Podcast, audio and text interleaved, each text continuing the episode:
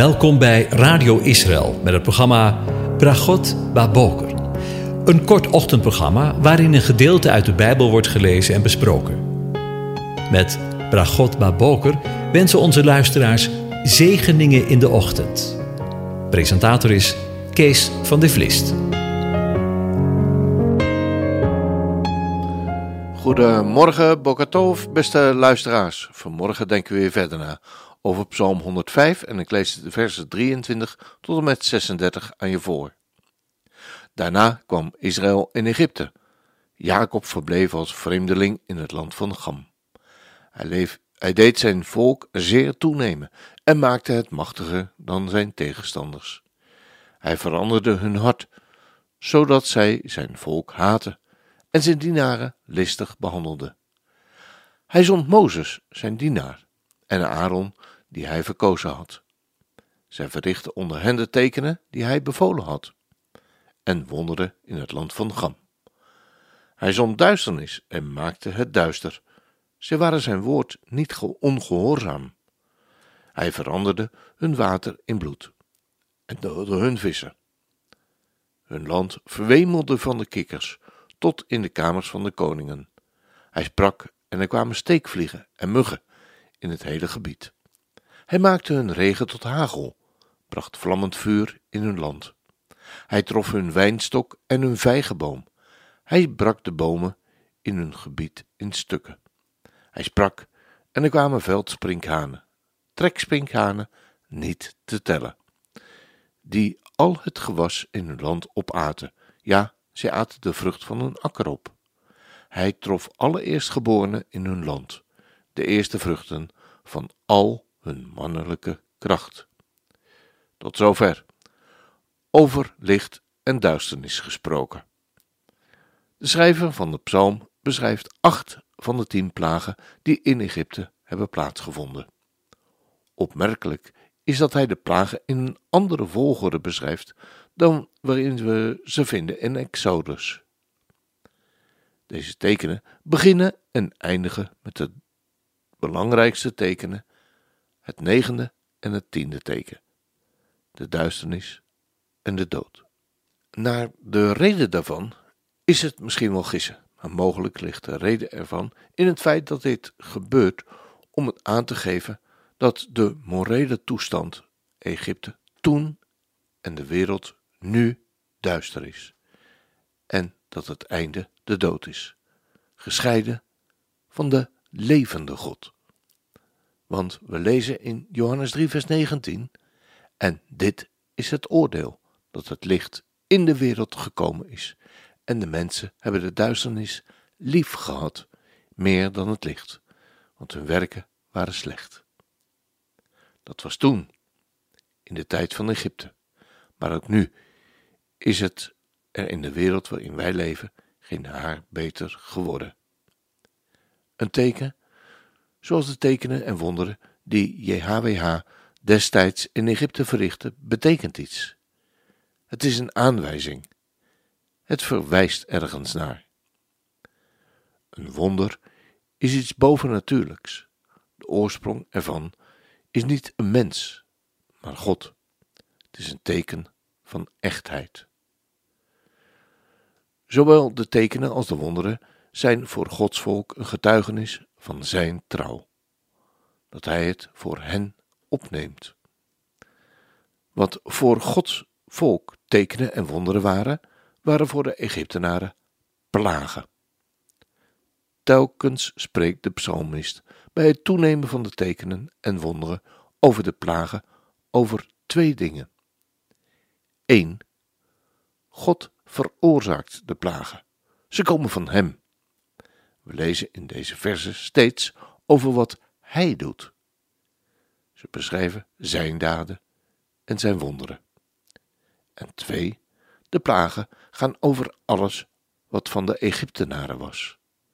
Dat zien we aan het telkens terugkerende hun, zoals hun water, hun vissen, en het betrof hun land, hun hele gebied. De eerste plaag, zoals beschreven in Psalm 105, is de negende, die van de duisternis. God zond, staat er zo opmerkelijk, deze plaag. Zoals hij eerder Jozef en daarna Mozes had gezonden. En hij maakte het duister. Tijdens deze plaag is alle licht in Egypte afwezig en heerst er duisternis. Dit is het gevolg van het verwerpen van God, de bron van het licht.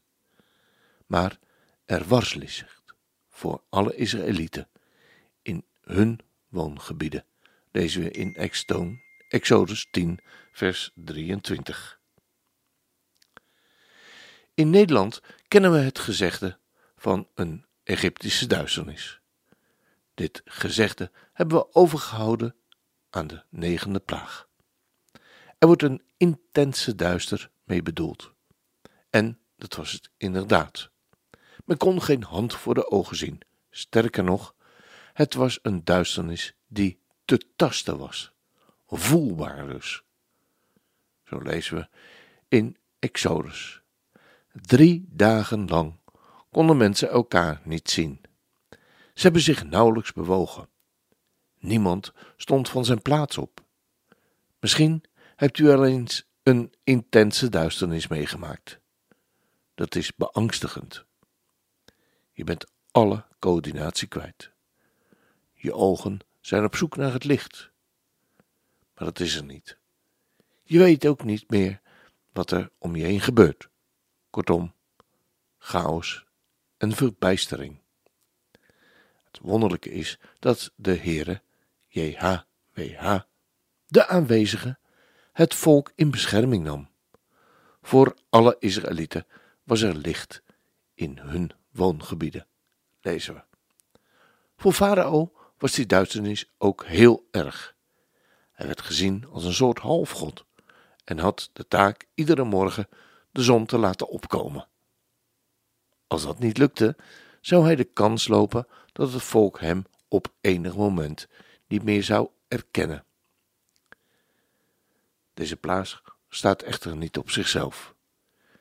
Het is een teken en heeft ook een profetische lading. Misschien is het goed om er een paar teksten bij te lezen.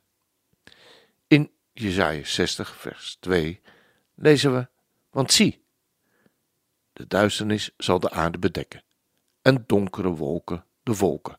Maar over u, en de profeet spreekt hier over Israël, zal de Heere opgaan en zijn heerlijkheid zal over u gezien worden en heidevolken zullen naar uw licht gaan en koningen de glans van uw dageraad.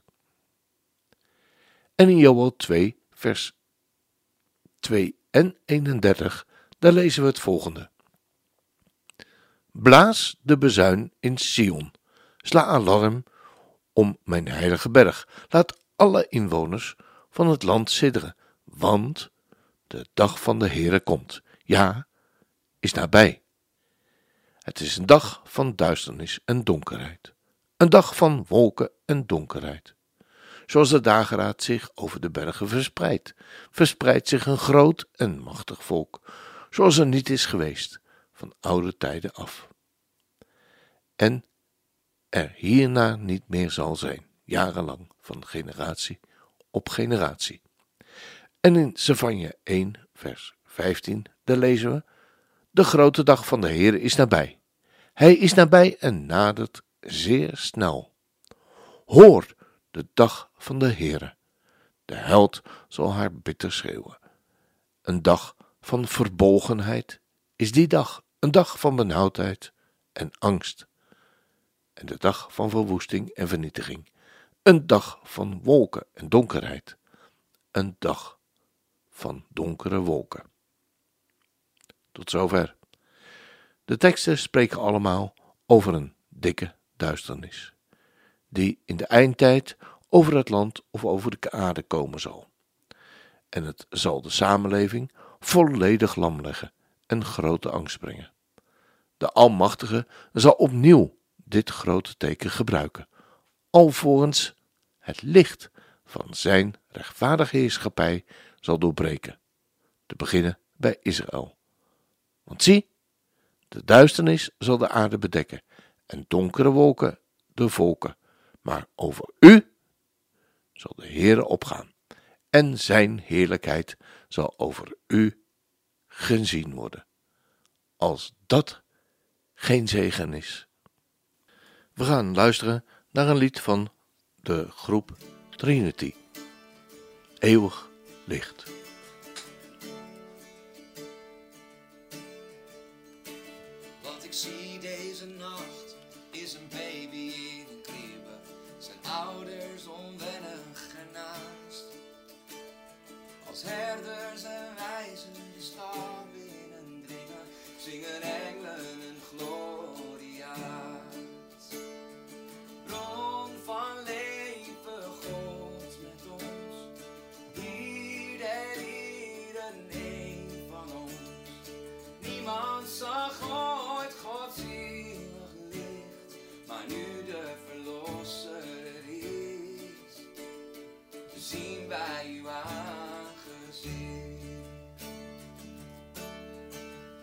Música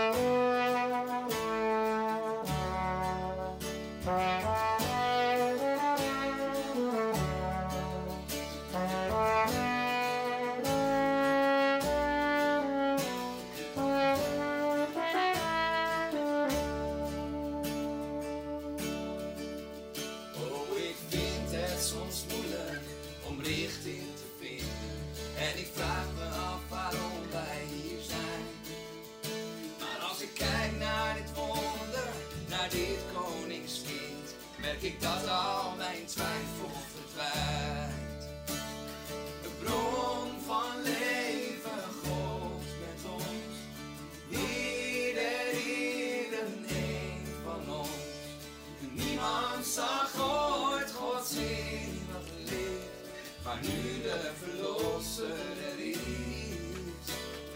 zien wij uw aangezicht.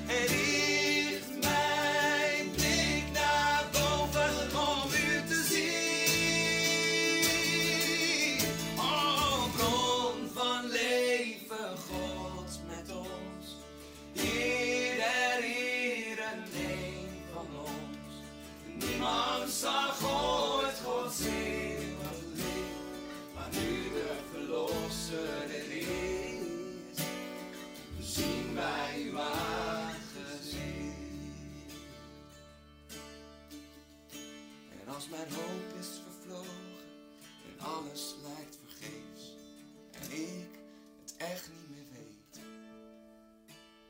dan bent u het antwoord, u die mens werd voor mij, als teken dat u om mij geeft. Ja, mooi en eh, ingehouden lied. Ook eh, geweldige woorden als je die tot jezelf door laat dringen. Bron van leven, God met ons.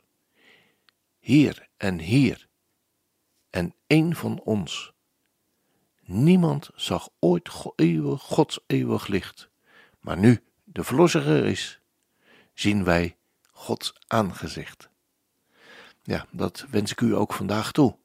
Dat we onze weg gaan in het licht samen met Hem en van Hem.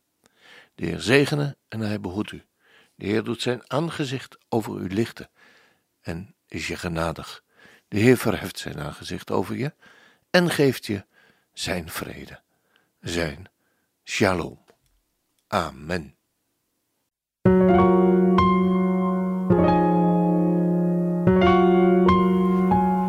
U hebt geluisterd naar het programma Bragot Baboker.